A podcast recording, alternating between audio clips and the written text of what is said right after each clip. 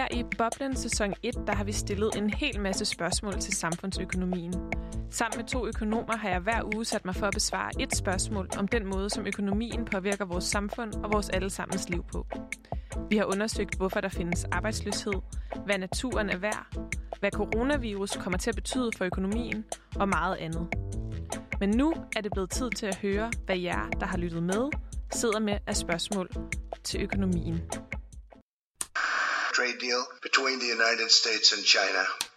En periode med arbejdsløshed i Danmark. Arbejdsudbuddet vokser. et nominalt princip, der lige så langsomt udhuler blandt andet boligbeskatning. Finanstilsynet advarer nu mod den digitale myndighed. Pengene skal kunne flytte sig med lynets hast hen over grænserne mange gange om dagen.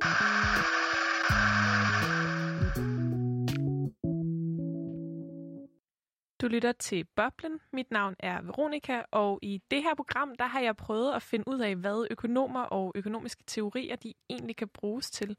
Og igennem de programmer, vi har optaget indtil videre, der har jeg haft to økonomer med i studiet, Mads Falkenflet Jensen og Joachim Peter Tilsted, og I er også med i dag til vores sæsonafslutning.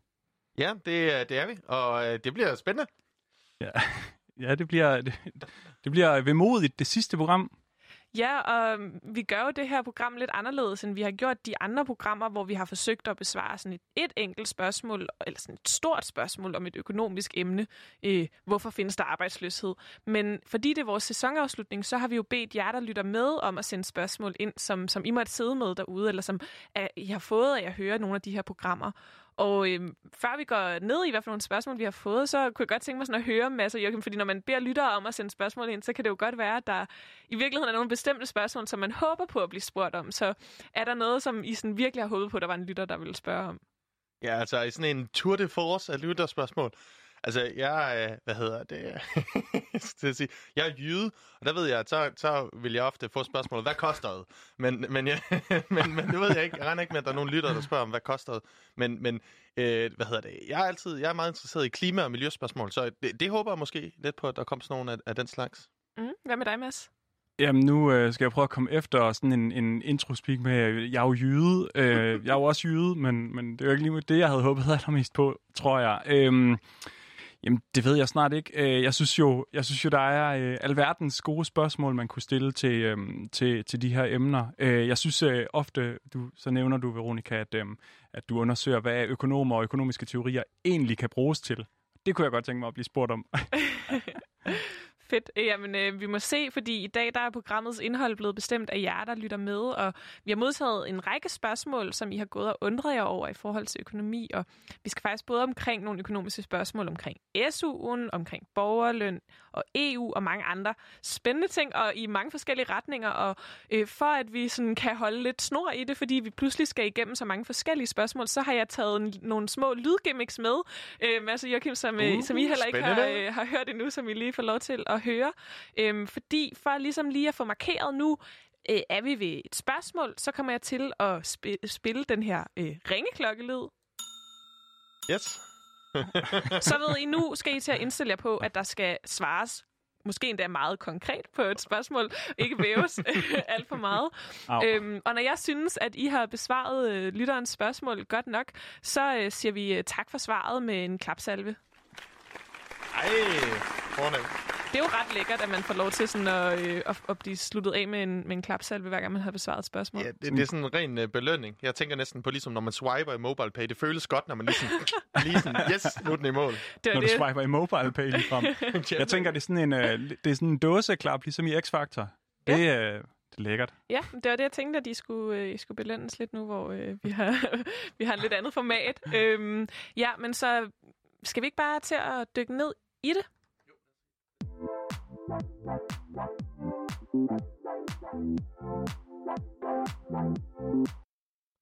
Og vi har fået et par spørgsmål, som vi skal dykke ned i nu, som, øh, som handler om noget, som jeg synes er lidt spændende. Det handler om, øh, om EU, og det er måske ikke det, man sådan først og fremmest tænker er det allermest spændende øh, emne i verden. Jeg har i hvert fald synes, at det var et emne, som var rigtig svært øh, at finde rundt i. Det er heller ikke noget, man hører så meget om i den sådan, politiske debat. Altså, hvis vi nu lige hurtigt ser bort fra sådan, øh, jeres øh, viden om EU og økonomi, sådan helt generelt, hvor, hvordan har I det så, når folk siger noget om EU? Altså, synes I, det er mega spændende, eller har I også den her sådan lidt sådan søvndysende følelse, når nogen siger EU? Jamen, Jeg, tror, jeg, jeg synes personligt, at det er enormt spændende, og jeg føler nogle gange, når emnet falder på lige præcis sådan EU og de økonomiske problemer og udfordringer i, øh, i, i eurozonen især. Øhm, det er måske ikke alle, jeg taler med, der deler min entusiasme for det her emne. Nej, jeg- jeg har det meget sådan, jeg burde synes, det var spændende, Åh, oh, men det er også lidt uoverskueligt, eller det er også lidt besværligt, eller åh, oh, så er der alt muligt EU-lovgivning. Så sådan, jeg, har, jeg har en idé om, at jeg burde være mega ops på det her, men, men i praksis, så sker der nok det der med, at, at det virker lidt langt væk, ja. Præcis, og sådan har jeg i hvert fald også haft det, fordi det er jo kæmpe beslutninger, der bliver taget i, i EU, og øh, jeg tror, at sådan, det er lige gået op for mig for alvor, hvor, altså, hvor meget EU i virkeligheden fylder, sådan, som man måske ikke ser så meget, når man er herhjemme i Danmark, men jeg har lige været på udveksling i Frankfurt, inden jeg kom hjem og begyndte at lave det her program. Jeg kom heldigvis hjem lige inden corona øh, brød ud. Og i Frankfurt, der ligger jo det, der hedder den europæiske centralbank. Og øhm, det er sådan noget, man måske hører engang imellem om i nyhederne. Og sådan noget. Men jeg kan sige, at det, der, hvor den ligger i Frankfurt, der er det sådan en kæmpe, stor, høj glasbygning, som man bare kan vende helt, altså man vender hovedet helt tilbage, øh, nakken fuldstændig bøjet for at kunne, øh, kunne se op på toppen. Og så foran den her bygning på sådan en stor plads, der hedder Willy Brandt-plads, der ligger der så sådan et stort monument eller sådan en statue med et kæmpe eurotegn, og så med, med gule stjerner, for jeg tror, det er alle de lande, der har øh, euroen. Og der kan man virkelig sådan få en fornemmelse af, at, øh, at EU fylder noget. Ja, det var ligesom, man, man prøvede at lægge øh, sådan, øh, parlamentet og kommissionen i sådan et relativt neutralt sted, så man lagde det i Bruxelles. Øhm, men så kom det også lige ind i Frankrig, i Strasbourg, hvor de er øh, en del af tiden, og så øh, fik tyskerne altså lige øh, sat sig på den tunge institution, som er den europæiske centralbank. At den skulle være på tysk jord. Ja, der bliver altså truffet nogle vigtige beslutninger derinde. Ja, og det er, det er nogle af de øh, beslutninger, som vi skal snakke om i, i dag, og som jeg sagde, så er EU jo noget, som kan virke meget fjernt, men et tidspunkt, hvor EU pludselig blev meget, meget nærværende, også i, i danske nyheder, det var i, som følge af finanskrisen, hvor der jo opstod en hel masse øh, uroligheder og altså økonomisk krise i rigtig, rigtig mange lande, men, men også især i forhold til eurozonen. Og nogen kan måske huske, at det, at det især var meget intenst i Grækenland. Og vi skal lige høre et klip øh, fra, øh, fra 2012, hvor at den her krise i forhold til Grækenland og, og euroen, den var på sit højeste. Så det kommer lige her. Could Greece be heading out of the Eurozone? Its willingness to honour previous austerity deals is doubtful, meaning it's not just the press talking about a so called Grexit, it's also, for the first time, the European Central Bank's governing council. And as Eurozone finance ministers met in Brussels, fellow members were warning Greece it could be heading for the door. European Union treaties have no provisions for countries exiting the single currency, so Greece would actually have to take an untested path, withdrawing from the EU or being kicked out. Ja, rimelig øh, hæftigt klip. Altså på det her tidspunkt var der simpelthen en diskussion om, om, øh, om, øh, om Grækenland vil ryge øh, ud af, af EU. Og øh, nu kommer vi til, øh, til min øh, leg med, med lyde. Nu kommer vi til øh, det første spørgsmål. Det lyder, hvorfor var euroen så katastrofal fra, for Grækenland? Og det er et spørgsmål, vi har fået fra Karina. Og øh, ja, det er jo et stort spørgsmål, Mads. Øh, vil du øh, lægge for? Det lyder som sådan en, øh, en æggeklokke, du sætter i gang, så nu bliver det sådan lidt stressende. Nu, okay, Ja, så det- nu kommer svaret. Øh, svaret er ikke så simpelt. Beklager. Øhm, altså, der er jo noget baggrund til det her. Altså forud for finanskrisen i 2008, så havde Grækenland stiftet en, en rigtig, rigtig høj offentlig gæld. Øhm, og faktisk så øh, blev de i øh, 2010 dømt af den europæiske kommission for at have øhm, forfalsket data om deres, øh, om deres øh, finanser. Øhm, og derudover så var der sådan nogle problemer med nogle lidt underlige skatteregler, øh, som, som nogen måske har hørt rygter om herhjemme også. Ja, det, det er simpelthen været fiflet lidt med tallene, så det så bedre ud. Ja, sådan som man jo gør. Ja, ja okay. Øhm, det er heldigvis ikke noget, vi diskuterer så meget herhjemme. Det, øh, det ligger måske lidt fjernt fra, øh, fra vores sådan, ja, øh, omgang med tal. Håber jeg da i hvert fald. Ja, eller det, det der, der er i hvert fald øh, jo nogle debatter omkring sådan, hvordan øh, nogle systemer bliver udnyttet og sådan noget, så det er måske ikke staten, der gør det, men så er der jo alle mulige sager med folk, der har, har snydt det, det offentlige øh, skattesystem og sådan nogle ting. Men det her, det var så lige præcis staten og regeringen, der gjorde det. Øhm, og nogen husker måske, altså så, øh, så var der de her, vi hørte et klip om, at øh, der, øhm, altså det kunne eskalere med, at Grækenland simpelthen trak sig ud af, af euroen. Og nu har vi jo øh, for nylig oplevet Brexit, som jo var, at, øh, at England eller Storbritannien trak sig ud af, øhm, af EU. Men de har jo hele tiden haft deres britiske pund, så det er, sådan, det er noget helt andet, vi taler om her. Det er ligesom, at Grækenland de gik væk fra deres drakmer og over til at have en fælles valuta med, med eurozonelandene, som vi jo i Danmark stemte nej til af to omgange endda. Øhm, og deres tidligere finansminister, Varoufakis, som var finansminister i et halvt år i, i 15 kun, altså han kom fra det her parti, der ligesom blev valgt ind for at forhandle med EU om de her øh, tilbagebetalingsregler øh, osv. Øhm, jamen han, øh, hans mål var ligesom den her omstrukturering af gælden, og, øh, og han beskriver blandt andet i øh, nogle bøger, han har skrevet om, hvordan det her det ligesom var et mål for at sikre, at man faktisk kunne tilbagebetale gælden. Så det var i alle landenes interesse. Øhm, og, og samtidig så kunne man altså forhindre, at en masse grækere de bliver arbejdsløse og måske endte i fattigdom. Han, han er sådan en, en karakter, eller en, hvis man interesserer sig for øh, EU og for økonomisk politik, og, og politisk økonomi, så har han sådan en, en, en, en hvad hedder det, figur, som, som har kommenteret rigtig meget og gjort så mange overvejelser, skrevet, skrevet mange bøger også.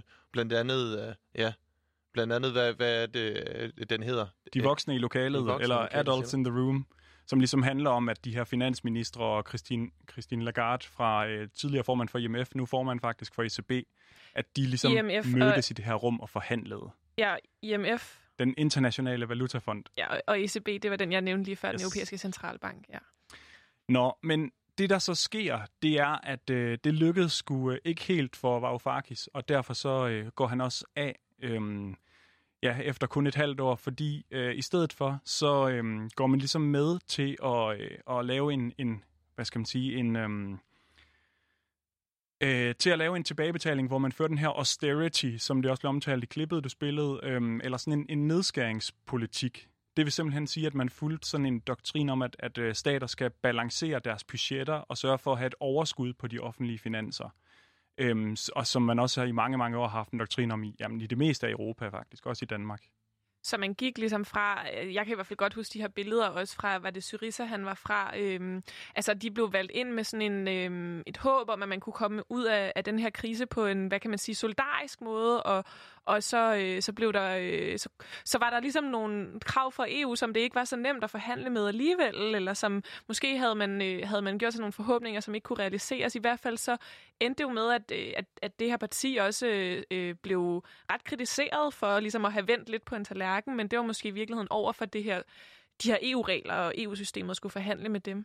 Ja, ja, man kan samtidig sige, at der skal jo to til tango, fordi når man ligesom optager et lån, hvem er det så, der giver dig det lån? Og i det her tilfælde, der var det altså især tyske og franske banker, som havde ligesom øh, lånt penge til den græske regering, øhm, og som dermed løber en eller anden risiko, når de giver de her lån, og derfor får de også en eller anden rente som et afkast for at tage den her risiko på sig.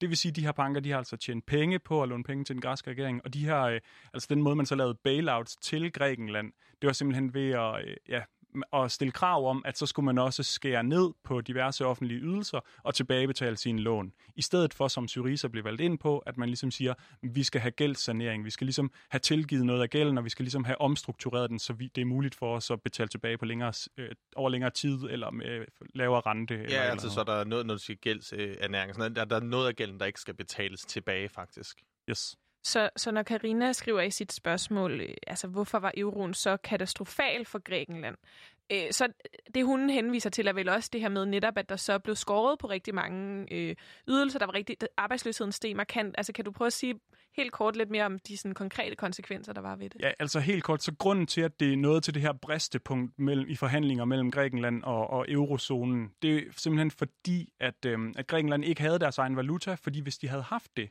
så kunne de have devalueret deres valuta. Og, og altså så forudsat, at den her gæld altså var optaget i, i deres egen valuta. Så, så kunne de simpelthen bare sænkede, have devalueret den sænkede værdien af den ja. græske valuta, og på den måde sikre, at andre lande vil, øh, vil købe flere varer fra Grækenland, fordi de pludselig bliver billigere. Og på den måde ligesom opretholdt en eller anden aktivitet i økonomien. Og i stedet for, så fordi man har euroen, så kan man ligesom ikke gå ind og devaluere, fordi det er en fælles møntfod for hele den her zone. Og, og derfor så er man altså nødt til at komme frem til et eller andet kompromis. Det var svar på Karinas spørgsmål om euroen og Grækenland. Tak for svaret, Mads. Fedt. Øhm, det er ikke det eneste øh, spørgsmål, vi har fået øh, om, om EU, fordi det er også sådan, at der lige nu jo har kørt en diskussion omkring, øh, omkring EU-fællesskabet og øh, økonomien i EU, og også især i forbindelse med, med coronakrisen, og det her med, at man har nogle lande, der er meget, meget markant ramt, og, og ja, hvad kan man sige, de nordiske lande og, Danmark blandt andet øh, har håndteret krisen lidt, øh, er ikke blevet ramt lige så hårdt, så der har været nogle diskussioner omkring det, og der har vi fået et spørgsmål fra Alberte, og øh, det skal vi lige høre. Hvad går diskussionen om Danmarks strammerstrategi i EU ud på? Den, den tager jeg igen. ja, nu har vi også fået afsløret, at Joachim ikke er, ikke er sådan Jamen, helt... jeg er ikke så øh, interesseret i det med EU alligevel, åbenbart, har jeg lige sagt her øh, men, men altså, man kan sige, øh, den her øh, krise, vi står i lige nu, er noget anderledes end den finanskrise, der var, øh, som startede i 2008 med en masse ubalancer på især boligmarkederne i USA, men, men også i, øh, i, øh, i de internationale øh, finansmarkeder.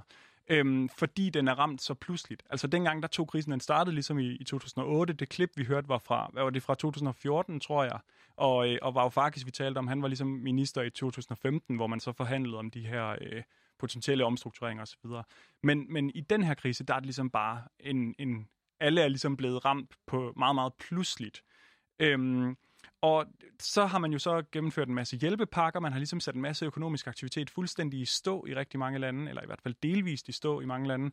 Øh, og derfor så, øhm, så er man ligesom nødt til at finde ud af, okay, hvordan betaler man så for de her hjælpepakker? Altså, hvad gør vi for at holde økonomien i gang, øh, mens alt den her aktivitet er gået i stå? Altså fordi, når du siger hjælpepakker, så er det ikke kun de, altså, de hjælpepakker, som den danske stat har vedtaget. Der er også blevet lavet nogle hjælpepakker i EU-regi. Ja, Ja. ja dybest, ja, det, begge dele faktisk. Ja, okay. Øhm, men det er pt. sådan, at hver eneste land i eurozonen, de er ligesom ansvarlige for deres egen gæld. Og det betyder, at et land med en dårlig kreditvurdering, som for eksempel Italien, de skal altså betale en, en højere pris for deres lån til at finansiere de her hjælpepakker. Altså de skal betale en højere rente på lånene. Hvorimod et land med en lavere offentlig gæld, som for eksempel Danmark eller Tyskland, skal betale øh, nærmest ingen rente på de her lån. Og derfor så er der nogen, de har foreslået, at man laver sådan nogle corona-obligationer, øh, eller corona bonds, som det hedder på engelsk. Og det handler ligesom om, at de her lande i eurozonen, de skal øhm, hæfte fælles for den gæld, der bliver optaget. Og når du siger hæfte fælles, så betyder det jo, at, at, at man ligesom alle sammen hænger på regningen. Altså hvis at Italien i princippet ikke vil kunne tage, betale tilbage, så skulle andre lande gå ind og hjælpe eller sørge for eller understøtte øhm, øh, Italien på den måde, og så betale, hvem der nu har de her obligationsbeviser. Ja, netop, og det vil simpelthen betyde, at øh, for et land som Italien, så vil, øh, så vil renten blive lidt lavere, og det vil blive lidt billigere at låne penge, og for et land som Danmark og Tyskland vil renten blive lidt højere, og det vil blive lidt dyrere at låne penge. Og det er så der, det kommer ind, at Danmark har den her strammere strategi, at det vil vi sgu ikke være med til. Altså, det duer ikke, de ligger som de har ret, og de har taget al den her gæld og brugt de her penge, og det er ligesom deres eget rod, de må komme ud af. Det er ikke det, eurozonen handler om. I bund og grund, det står ikke noget sted i de her traktater. Det er ligesom noget nyt, man skal forhandle om. Og derfor så er der nogle lande, som ligesom siger, at det, det synes vi egentlig ikke er en god idé. Man kan jo så gisne om det er politiske årsager, fordi der har været sådan en eller anden euroskepsis osv. i Danmark, at man måske tænker, at man skal passe lidt på med den type politik. Ja, fordi jeg vil sådan umiddelbart tænke, at, at, øh, at det kan være et større problem, altså sådan, hvis man ikke gør det sådan for, for øh, hvad skal man sige, den europæiske økonomi, altså at, at Danmark også vil, vil miste på ikke at være med til at understøtte det. Ja, ja, præcis, og man kan også sige, at sådan, øhm, at prisen for, øh, for det her, det vil måske være en lidt højere inflation og en lidt højere, øh, en lidt højere rente i de her øh, lande med en lavere øh, offentlig gæld.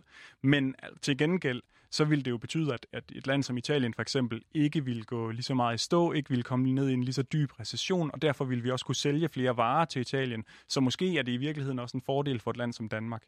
Det er bare lige måske at skære den politisk også, så man ligesom kan få det budskab frem, hvis det er det, man vil. Men så Danmarks strammerstrategi eller i EU, den handler simpelthen om, at man, at man holder på, at dem, der har indop, eller optaget gælden, selv skal betale den gæld af, og man ikke skal hæfte for hinanden. I grove træk. I grove træk. Ja. Ja. Jamen, det er det, vi når, så øh, tak for svaret, Mads. Du får lige en, øh, en flot klapsalve igen. Altså, er der, er der noget til, hvis man ikke svarer øh, godt eller fyldeskørende? Er det, Hvad siger altså, du? lige meget, hvad svarer sådan lidt til klapsalve? Jamen, så, øh, så skynder jeg mig bare at skubbe jer videre.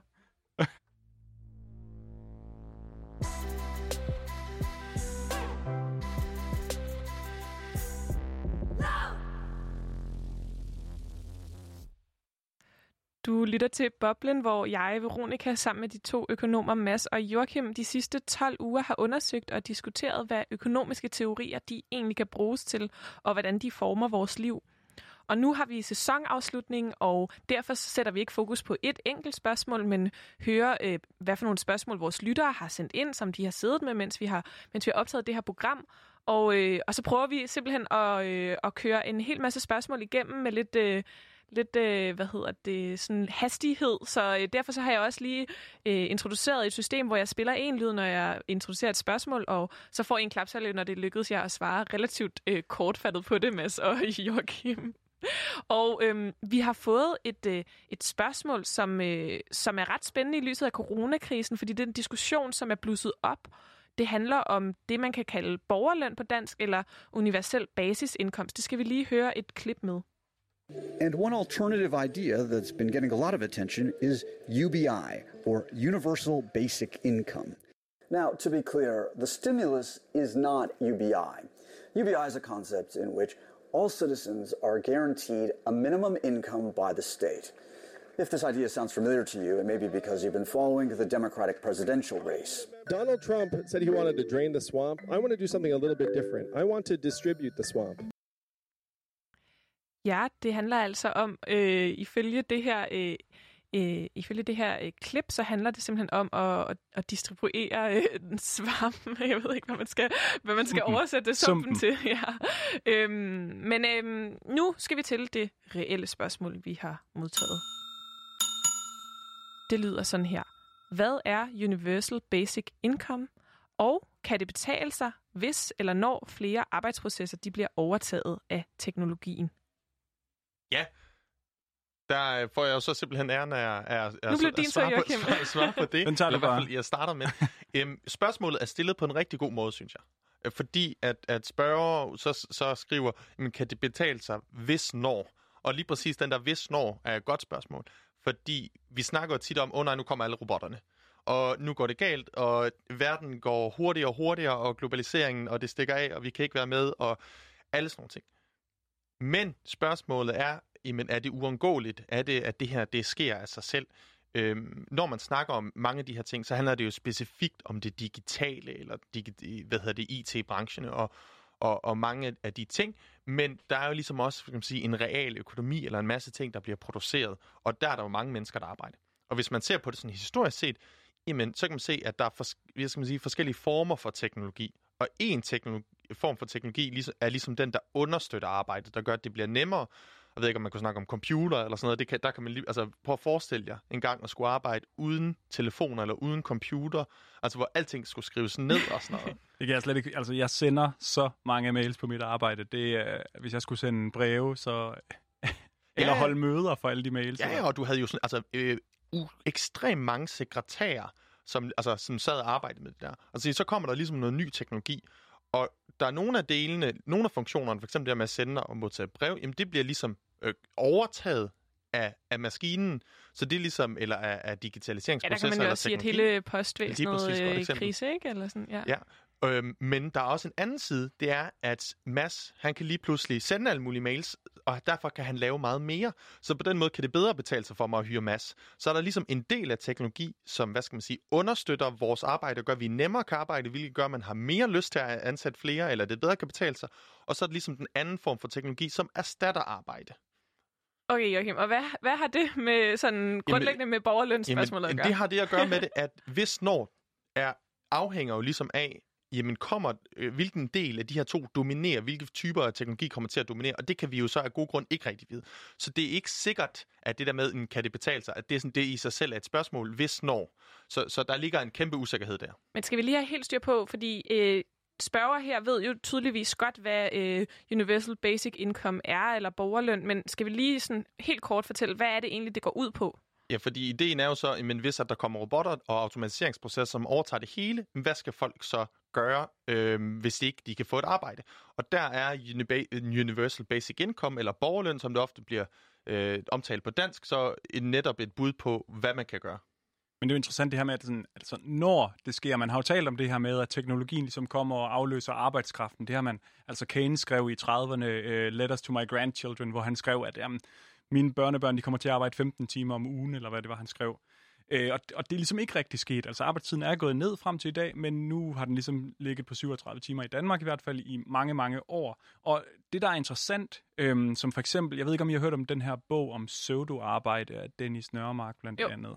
Der skriver de nemlig blandt andet om, at øh, jamen, det der jo bare sker, Øhm, når vi ligesom øh, skal lave nogle produkter, så øh, kommer der noget ny teknologi, der gør, at vi kan producere det hurtigere eller kan producere mere.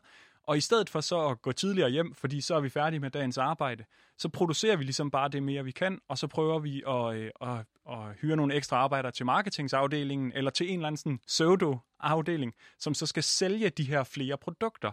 Og derfor så er der jo ligesom bare flere og flere jobs, det også har skabt med den her teknologi. Men altså, nu er der jo også øh, sådan stemmer rundt omkring, der begynder at snakke om sådan noget med, at vi skal gå ned til en 30-timers arbejdsuge, og det bliver der også lavet forsøg med og sådan noget. Så kan man sige, at spørgsmål omkring, om, om sådan noget som basisindkomst eller borgerløn kan betale sig, at, altså, er det, er det ikke også et spørgsmål om, hvad man, hvad man prioriterer politisk, eller hvad man kan sige? Det, det, det synes jeg da i høj grad. Men det interessante, du nævner pseudoarbejde, du siger 30 timer, at der er der en masse diskussioner der.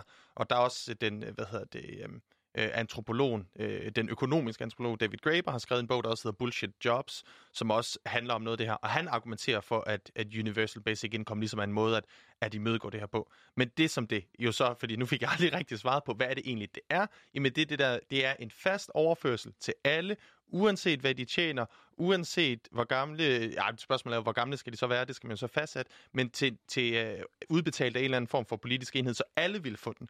Og, og så står det jo netop i modsætning til den form for overførsel, som vi har i dag, som SU, som hvis man får med studerende, eller folkepension, hvis man er pensionist, eller dagpenge, hvis man øh, hvad hedder det, øh, har mistet sit arbejde, eller øhm, prøver at finde et andet, eller kontanthjælp. Og, og der er der så nogen, der siger, at derfor det er bedre, at vi ligesom har de her ydelser, som er målrettet specifikke folk, end det er, at vi har sådan en universel ting, som bliver givet til alle.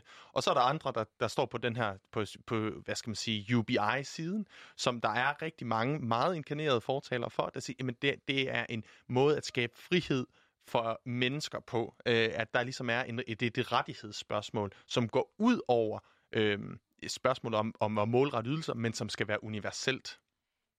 Det var en lille intro til uh, Universal Basic Income borgerløn, og, uh, og hvordan det kan, det kan tænkes økonomisk. Uh, tak for svar, Joachim. Nu får du også lov til at få en klapsalve. og øh, ja, vi, øh, vi haster videre, og øh, vi har fået øh, et spørgsmål. Faktisk har vi fået flere spørgsmål, som handler om SU, og det er måske heller ikke så underligt, fordi øh, vi har jo mange øh, lyttere, der sikkert er studerende, eller måske skal blive studerende, eller lige har været det. Og der betyder SU'en jo rigtig meget. Det er jo for rigtig mange en stor del af, af, af det, man lever af, og ens, øh, ens privatøkonomi. Og det har jo været meget til debat øh, de seneste år, og der er rigtig mange unge, der har været på gaden over flere omgange og, øh, og demonstrerer, når der har været diskussioner omkring SU'en. Og vi hører lige et, øh, et klip fra det. Er der nogen professionsbachelorstuderende? Er der nogen ansatte på nogle uddannelsesinstitutioner? Er der nogen erhvervsskoleelever? Er der nogen handelsskoleelever? Er der nogen gymnasieelever?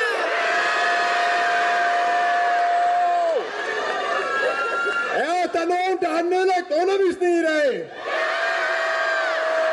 Er der nogen, der er skære 10,2 milliarder på uddannelse?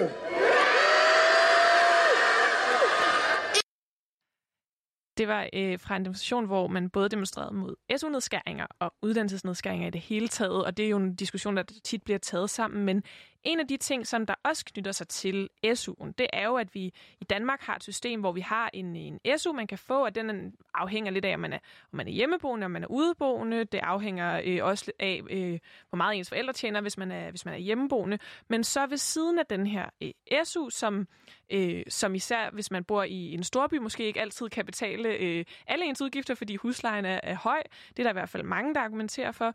Øh, så har man også det her SU-lån, som ligesom er sådan et supplement, kunne man sige. Og der har vi fået et øh, spørgsmål.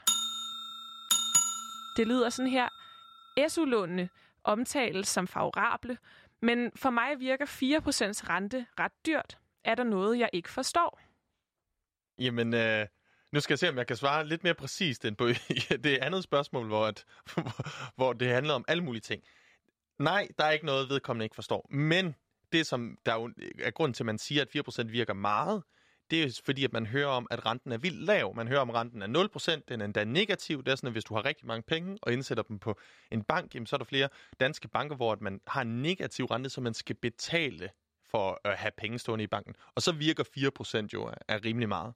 Men, men spørgsmålet er også, hvad er det, man sammenligner med? Fordi at hvis, hvis det en af jer skulle ud og, og hente nogle penge, øhm, så vil I formentlig ikke kunne låne til under 4% i rente. Det, altså, man kan jo høre om bare, hvis man skal have, have penge sådan lige nu og her, så er der jo de her kviklån, man hører om, som, som altså, har nogle helt obskurt høje renter. Øhm, og hvis man bare skal have et boliglån, jamen så kan renten også nemt være over de 4% typisk. Øh, hvad hedder det? Jeg prøvede lige, lige at slå op, undersøge lidt. Der fandt jeg en side, hvor de sådan mm, 3-18% alt afhængig af, hvem man er og hvordan og hvorledes. Ja, så, så det handler ligesom om, hvad man sammenligner med, som du siger. Man kan jo også sige, at sådan, øh, altså, så, som du også er inde på i dit spørgsmål, Veronica, så øh, altså, hvis man skal bruge de her penge til sin husleje og så videre, så er det en ret billig måde at låne på i forhold til, til mange andre måder at låne på.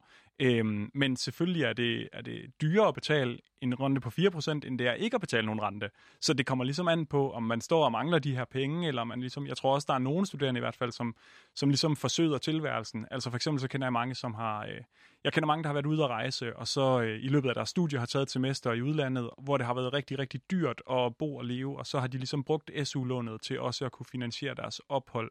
Øhm, men jeg tror også, at der er nogen, der ligesom låner penge til bare at have lidt mere mellem hænderne, fordi man så forventer, at når man er færdiguddannet, så kan man nemmere betale det her lån tilbage. Ja, på den måde kan det give fin mening. Men, men der skal vi så også skynde os at sige, at de 4%, det er noget, man betaler, mens man studerer. Og så, øh, hvad hedder det, så, så ændrer renten sig, når man er færdig. Øhm, lige nu ligger den på 1%, når man er færdig med at studere. Så på den måde er der faktisk en lille tilskyndelse fra, fra staten der til, at man skal blive færdig hurtigt? ja, der er der jo øh, flere forskellige instanser, de har, der er blevet lavet til at, at fremskynde vores, øh, vores studietid, at den bliver kortere. Men, men jeg tænker bare på sådan lige sådan her til sidst i det her spørgsmål, altså Øhm, jeg er med på, hvis man sammen, alt efter hvad man sammenligner med, så kan det være højt eller lavt, men, mm, men på en måde, så jeg undrer mig over, at vi har ligesom også et system, hvor vi til dels får en SU, og mm, det er ikke meningen, at vi skal øh, gældsætte os, øh, mens vi studerer, men så er der alligevel sådan lidt et incitament til, at man alligevel skal gældsætte sig, mens man er studerende, eller hvordan? Ja, og det, og det er jo lidt sjovt, fordi SU'en er jo, har vi jo faktisk ikke øget i rigtig, rigtig, rigtig mange år efterhånden. Altså, den har ligesom bare været stagneret på samme niveau, mens priserne, de stiger og stiger og stiger, så det bliver, specielt boligpriserne er jo steget rigtig, rigtig meget. Al- altså i forhold til SU'en? Ja. Men, men jeg vil også øh, lige skylde mig at sige, at, at noget, der man hører om, at det er en god idé, altså øh, det er jo fordi, at der er mange, der siger, lån alt det, du kan, og så kan du bare investere pengene. Det er en god forretning. Og det vil jeg lige hurtigt sige, at, at hvis man ser historisk på det, så hvad det afkast, man har fået ved at investere sine penge, det har ligget over 4%. Og, og det er måske det er noget af det rationale, der går ind i at sige, at det er en god idé at låne alt det, du kan, og så investere dem, fordi det er et billigt lån. Øhm, så så det, det kan der også være, øh, være noget om. Så det afhænger lidt af, af øjnene, der ser. Tak for svaret.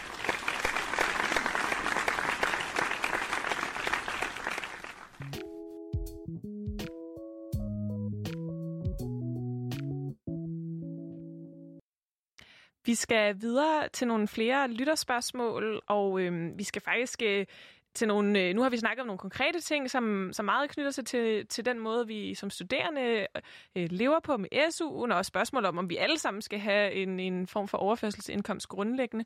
Øh, men vi har også fået øh, nogle spørgsmål, der handler om nogle lidt mere sådan store spørgsmål i forhold til økonomien, nogle lidt store sådan, overvejelser omkring sådan grundlæggende, hvor nogle af de her øh, begreber, vi arbejder med i økonomien, de kommer fra.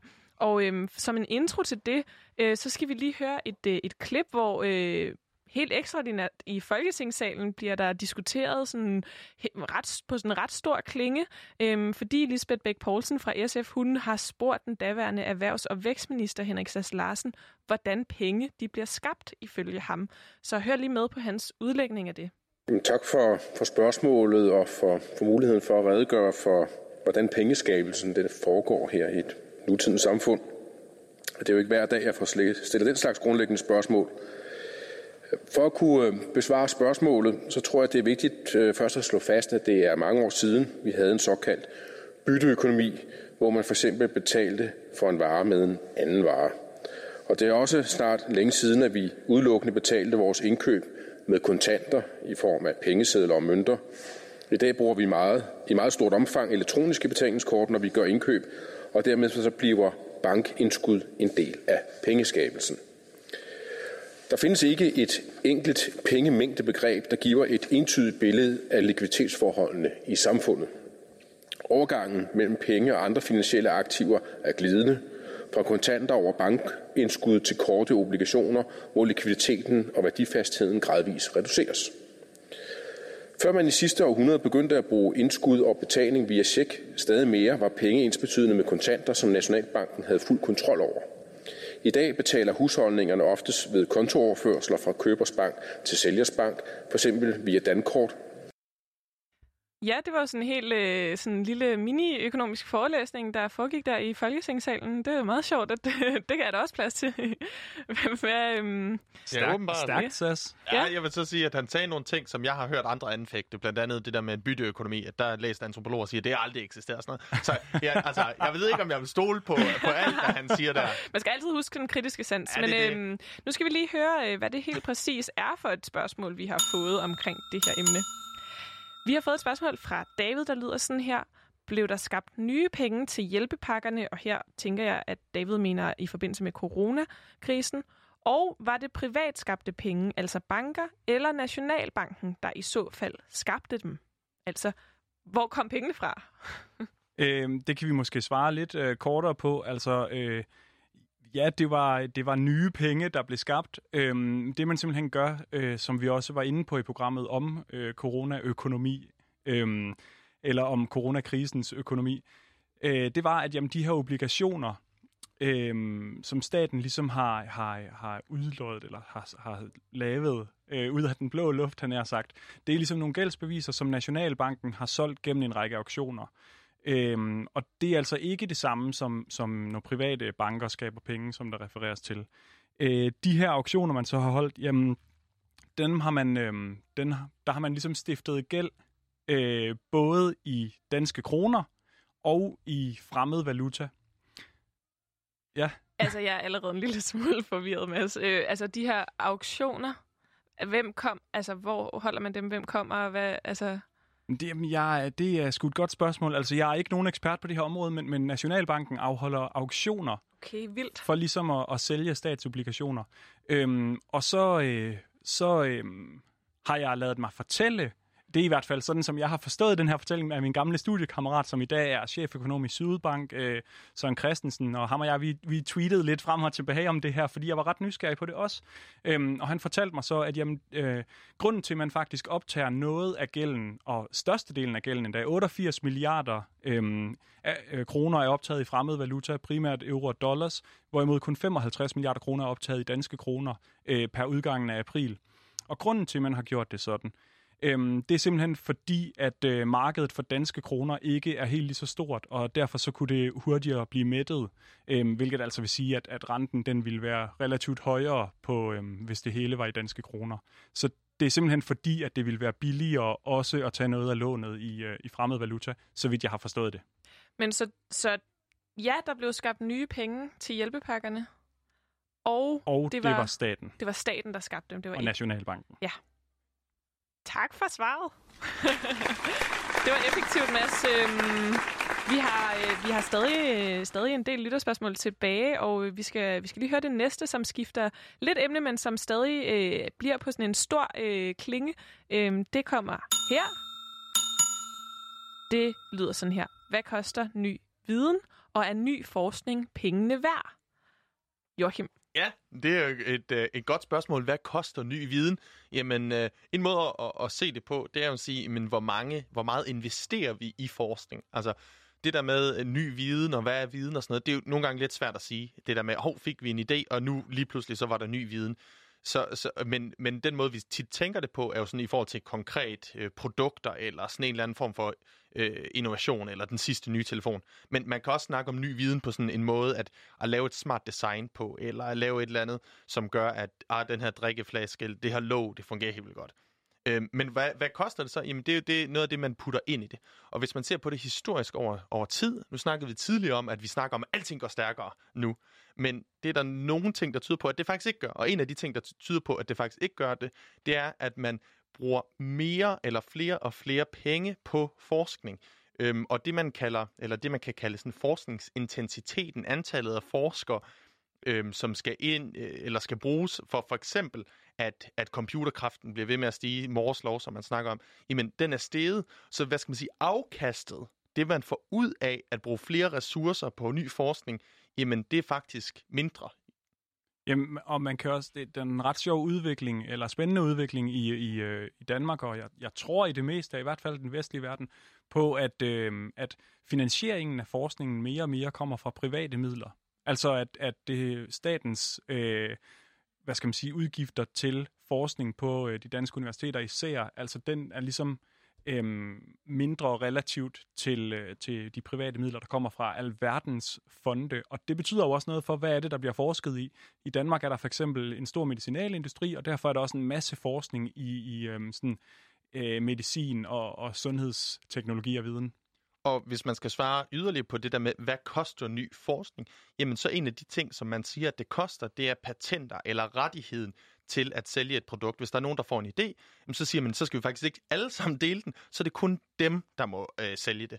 Og det gør jo, at det bliver dyrere, fordi at hvis man, at der er nogen, der har en eller anden smart måde at gøre tingene på, hvis de så delte det med alle, jamen så kunne vi jo alle sammen udnytte det, og så få det bedre af det. Men det man så siger er, jamen for at det skal kunne betale sig at øh, bruge, hvad hedder det, investere i forskning, eller altså bruge meget få nye, på forskning. nye idéer, ikke? Ja, eller altså nye idéer, eller andre idéer, eller andre produktformer, jamen så skal vi have de her patenter. Så der er ligesom sådan en afvejning mellem, hvor meget skal vi beskytte sådan idéer eller forskning, fordi at vi skal give folk tilskyndelse eller mulighed for at gå ind i det, og hvor meget skal vi så åbne op for, at de kan deles med alle. Og jeg har lige hørt noget øh, sådan ret vildt, der er sket. Altså, I, I ved måske, at Kina de laver øh, ret mange ko- kopiprodukter. Faktisk så 85 procent af alle kopiprodukter, det estimeres, at de kommer fra, fra den kinesiske økonomi. Øhm, Lego har lige vundet en retssag mod øh, et kopiprodukt i Kina, hvilket er ret groundbreaking, fordi normalt så, øh, så bliver de her patenter, de bliver altså ikke rigtig respekteret i Kina på samme måde, som de gør øh, herhjemme. Øhm, så, så det viser måske, at Kina også gerne vil til at spille lidt mere bold og respektere diverse patenter. Der er i hvert fald en, en stor diskussion der, der ligger i, hvordan skal de der designes, og hvordan er det? Så spørgsmålet om, er det pengene værd? Jamen det er jo så også, hvad får vi ud af det? Og det er måske, der er jo nogen, der siger, okay, grøn teknologi, mega vigtigt, andre ting, knap så vigtigt. Så der er også en disku- værdidiskussion, der ligger der. Tak for svaret, Joachim, og Mads med support. Den nyeste intel fra patentdomstolene rundt omkring i verden.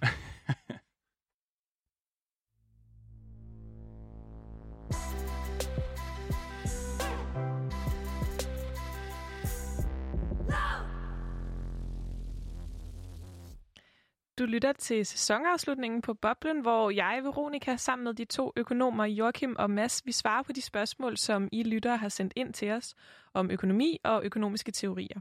Og de seneste 12 uger, der har vi undersøgt en række økonomiske emner, for eksempel arbejdsløshed, ulighed, fattigdom, rigtig mange andre ting, og det har vi gjort med det mantra, der hedder, man skal lære økonomi for ikke at blive snydt af økonomer. Det havde du med, Mads. Jeg synes, det er et rigtig godt øh, mantra for det her program. øhm, og, øh, og det er jo fordi, at øh, det er jo tit sådan, at man kan føle, når man ikke er økonom, det er i hvert fald noget, jeg selv oplever, øh, at økonomi er noget farligt og svært, som man helst skal holde sig fra. Og man kan også godt komme til sådan at fumle lidt med det, når man skal prøve at snakke om økonomi. Og det er noget, som hvad kan man sige, heldigvis for os almindelige mennesker, så sker det også nogle gange for politikerne på Folketingets talerstol, og det skal vi lige høre et eksempel på. Det er det, vi har valgt, og det fører selvfølgelig til, at øh, dem, der tjener mere og afleverer meget, og nu afleverer lidt mindre, ja, de afleverer så mere mindre, end dem, der tjener lidt mindre og afleverer mindre, men altså så afleverer mindre mindre. Ja, det er et ret, øh, ret vildt klip. Det er jo Lars Lykke, og det er jo et klip, der simpelthen er blevet ikonisk. Men jeg synes, det udstiller meget fint også øh, altså det her med, at det kan være ret svært at få greb om, hvordan man formulerer økonomiske spørgsmål. Øh. Ja, jeg beklager, jeg tror, jeg var ved at kløjse i telefonen, eller i telefonen i mikrofonen der. Nu gør jeg det også. Ja. Men altså, det der med lige at holde styr på mere og mindre, og hvad er op og hvad er ned. Ja, så stå, det står der i skærende kontrast det klip til, hvad vi hørte Sas Larsen på talerstolen lige før. Der var en lidt mere forberedt tale måske, jeg ved ikke. Ja, men i hvert fald. I hvert fald så er det et meget fint eksempel, men der er faktisk også nogle økonomer, som er begyndt at problematisere det her med, at økonomi kan virke så svært, og det kan gøre mange, an- mange af os, der ikke er økonomer, så sådan præstationsangste og forvirret, øhm, og at man kan, få lov til at, man kan komme til at føle, at man ikke har lov til at mene noget om økonomi. Og der skal vi lige høre et klip med den koreanske økonom Hadjun Chang, som taler lidt om det. You know, I say that this is only because uh, the economists have been fantastically successful in making people believe that it is actually a lot more difficult than what it really is. So they'll tell you, oh, you know, I could explain it to you, but then you don't understand. Know? 95% of economics is common sense. Of course, made to look difficult with the use of jargon and mathematics. Huh? And even the remaining 5% can be understood at least uh, in its essence, if not in all technical details, uh, if uh, someone bothers to explain it to you in an accessible way. Ja, så her der, der bryder han jo lidt med den her idé om, at, at økonomi skulle være noget, der var sådan helt ekstraordinært svært at forstå, og siger, at faktisk så, burde det, så er det noget, som, som man på en måde har opbygget en eller anden fortælling om, og egentlig så burde vi sagtens kunne være flere mennesker, der tog del i den, den økonomiske debat. Og øhm, det er jo på mange måder også sådan, øh, hvad kan man sige, fundamentet for, at vi har lavet det her program.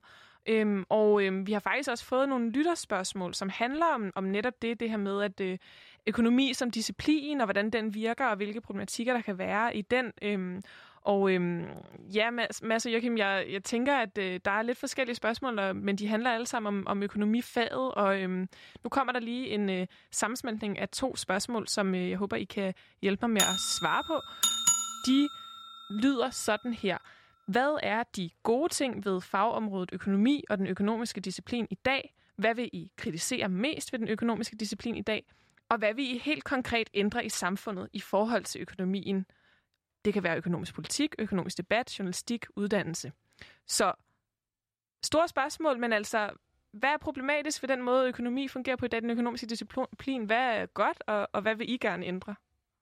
Det, det er jo et øh, svært øh, spørgsmål forstået på den måde, at du siger, at det, det, er sådan, det er stort, og det er bredt, og, og der er mange elementer i det. Jeg tror, at det er vigtigt for mig at pointere det der med, at, at økonomi jo ikke nødvendigvis er én ting, eller der er virkelig mange forskellige mennesker, forskellige akademikere, der arbejder med det her på forskellige måder, forskellige tænketanke, forskellige universiteter og sådan noget. Så man kan måske endda snakke om, jamen giver det overhovedet mening at snakke om økonomi som én ting, og det synes jeg ikke altid, det gør. Øhm, ofte synes jeg faktisk ikke, det gør det. Men når det så er sagt, så er sådan en af de ting, som der har været meget fokus på, det er, at der faktisk inden for den økonomiske disciplin har været rimelig store problemer, meget udtalt i USA, i forhold til, hvordan kvinder er blevet behandlet, i forhold til, hvordan forskellige minoriteter er blevet behandlet, og som, som er kommet frem i, i, øh, i lyset her, hvad hedder det, den senere tid, om at, om at der faktisk er sket diskrimination. Og det er jo så en ting, som, som er dybt problematisk. Altså simpelthen sådan, hvad kan man sige, faginternt i, i, i forbindelse med institutionerne, der ligger inden for, for Ja, den økonomiske disciplin, ja, lige altså på præcis. universiteterne og...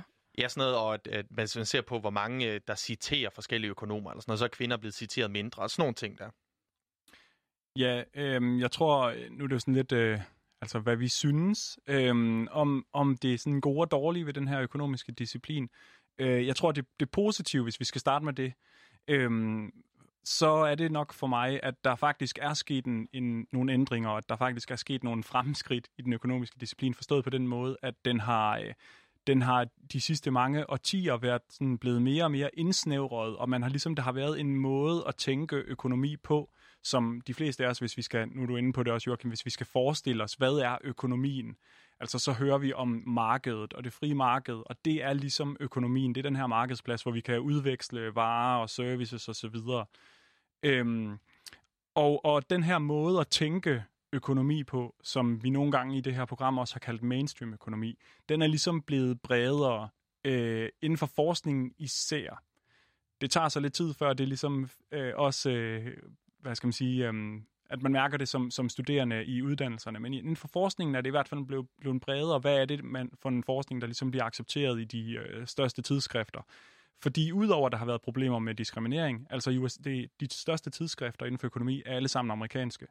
Og der har også været nogle problemer med, at det har været sådan en, øh, en øh, det har været præget af sådan en tribalism, øh, som, som James Heckman, den her øh, berømte Nobelprisvindende økonom har kaldt det. Altså, at der er sådan en, øh, en lille lukket klub, hvor man ligesom øh, kun accepterer de, øh, de artikler, der handler om det, man som editor øh, også tror på.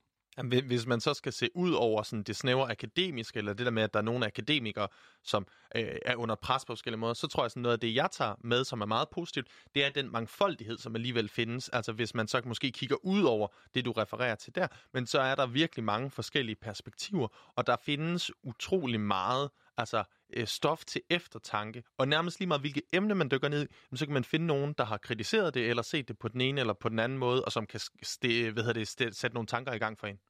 Jeg tænker på sådan, for mig at se, så er den økonomiske debat, altså mm, som udefrastående, eller hvad man skal sige, som en, der ikke er oplært i den økonomiske disciplin, så øh, kan det tit virke som om, at der er sådan et svar på, på økonomiske spørgsmål, og man har de her vismænd, som jo også er et vildt ord at kalde, altså sådan nogle økonomiske eksperter, ikke? Som, øh, som simpelthen bliver kaldt vismænd, og det siger også noget om, sådan, hvad, vi, hvad vi forestiller os, at de skal, skal give. Men, men samtidig så oplever jeg i hvert fald også med, vi har snakket lidt om, øh, om den franske stjerneøkonom øh, Piketty, altså der er ligesom kommet sådan en, øh, en opblomstring af sådan diskussioner om økonomi, som rækker lidt ud over den økonomiske disciplin selv. Hvad tænker I om sådan den udvikling?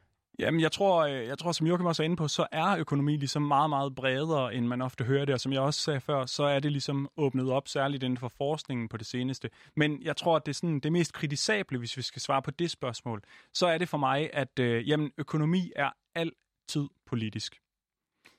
Desværre så bliver det meget, meget ofte fremstillet, som om det er sådan en, en, en, øh, en eksakt videnskab, kan man kalde det, at der ligesom findes nogle, øh, nogle simple svar, som man ikke kan betvivle, eller nogle øh, simple analyseredskaber og metoder, som heller ikke kan betvivles.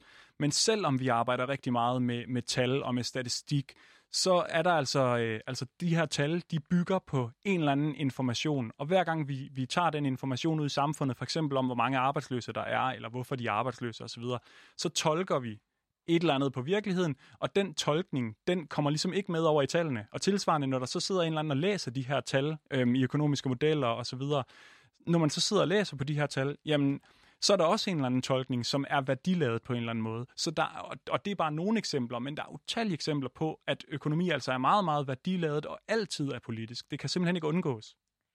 Vi nærmer os øh, afslutningen på vores sidste program om økonomi i, i boblen. Mads og Joachim, helt, helt kort. Øhm, hvad tager I med? Hvad er det vigtigste at tage med fra første sæson af boblen om økonomi? Joachim, du starter. Jamen, øh, jeg tror, det bygger lidt oven på det, Mads lige sagde. Altså, at man, med de her spørgsmål, de er øh, nogen som øh, økonomiske spørgsmål, som hvis man, hvis man engagerer sig med dem, så kan alle være med i princippet. Men man, øh, man, der er lige, der kan være en hård kamp derind, men at der findes et, et væld af idéer og, og et væld af perspektiver. Og, og nogle gange, jeg har selv oplevet nogle gange, så kan man læse et eller andet, og så få en på Sengadusen i forhold til, hvad man troede, og så simpelthen se tingene på en ny måde. Mads? Ja, jeg tror for mig, der øh, svarer det måske også meget godt, det fik jeg gjort før, nemlig, det svarer måske også meget godt på det sidste, den sidste del af det her spørgsmål, nemlig om, hvad, øh, hvad, vi gerne vil, hvad jeg gerne vil ændre i samfundet i forhold til økonomi og så videre i hvert fald. Og det er lige præcis, at den her forståelse af, at økonomi altid er politisk, og at der altid er værdilavede beslutninger, og at øh, det her med, at man træffer frie valg på et frit marked og så videre, jamen der er ligesom altid nogle begrænsninger, som er politisk bestemt, om vi vil have børnearbejde, om vi vil have et marked for nyere øh, og så videre. Altså, det, det er ligesom altid politisk. Det synes jeg også er sådan det vigtigste at tage med sig fra, fra de programmer, vi har lavet her. I får lige en øh, sidste klapsalve.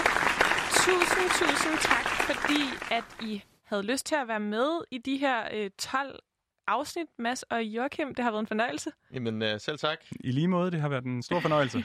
jeg synes i hvert fald, at jeg er blevet markant klogere, selvom at jeg også har fået tusindvis af flere spørgsmål, som, øh, som jeg må ud og undersøge. Måske ringer jeg til jer og, øh, og spørger jer om og, og forklare mig alt muligt øh, senere om natten eller et eller andet i fremtiden. Nu har jeg jo vendet mig til, at jeg bare kan spørge jer om, øh, om ting.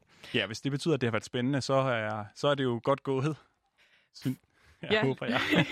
ja, lige præcis. Vi håber også, at I har synes, det var spændende at lytte med til den her sæson af Boblen, og I har lært noget og føler, at I har fået lidt mere mod på at deltage i økonomiske dis- diskussioner. Tusind tak, fordi I lyttede med.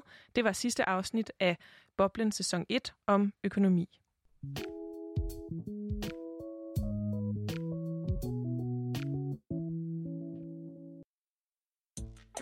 Du lyttede til Boblen. Programmet er produceret af Danske Studerendes Fællesråd. Værterne var Joachim Peter Tilsted, Mads Falkenflet Jensen og Veronika Arnsbøl Schulz. Programmet er produceret af Toge Daler, og musikken er produceret af Esben Kelsen Krav. Vi spillede klip fra Al Jazeera English, CNBC, Folketinget og den britiske tænketank RSA. Tak til Rethinking Economics Danmark, og tak til jer, der lyttede med. Husk, at du altid er velkommen til at sende dine kommentarer, idéer, ris og ros ind til os, så vi ligesom i dag kan inddrage de pointer, som du sidder med.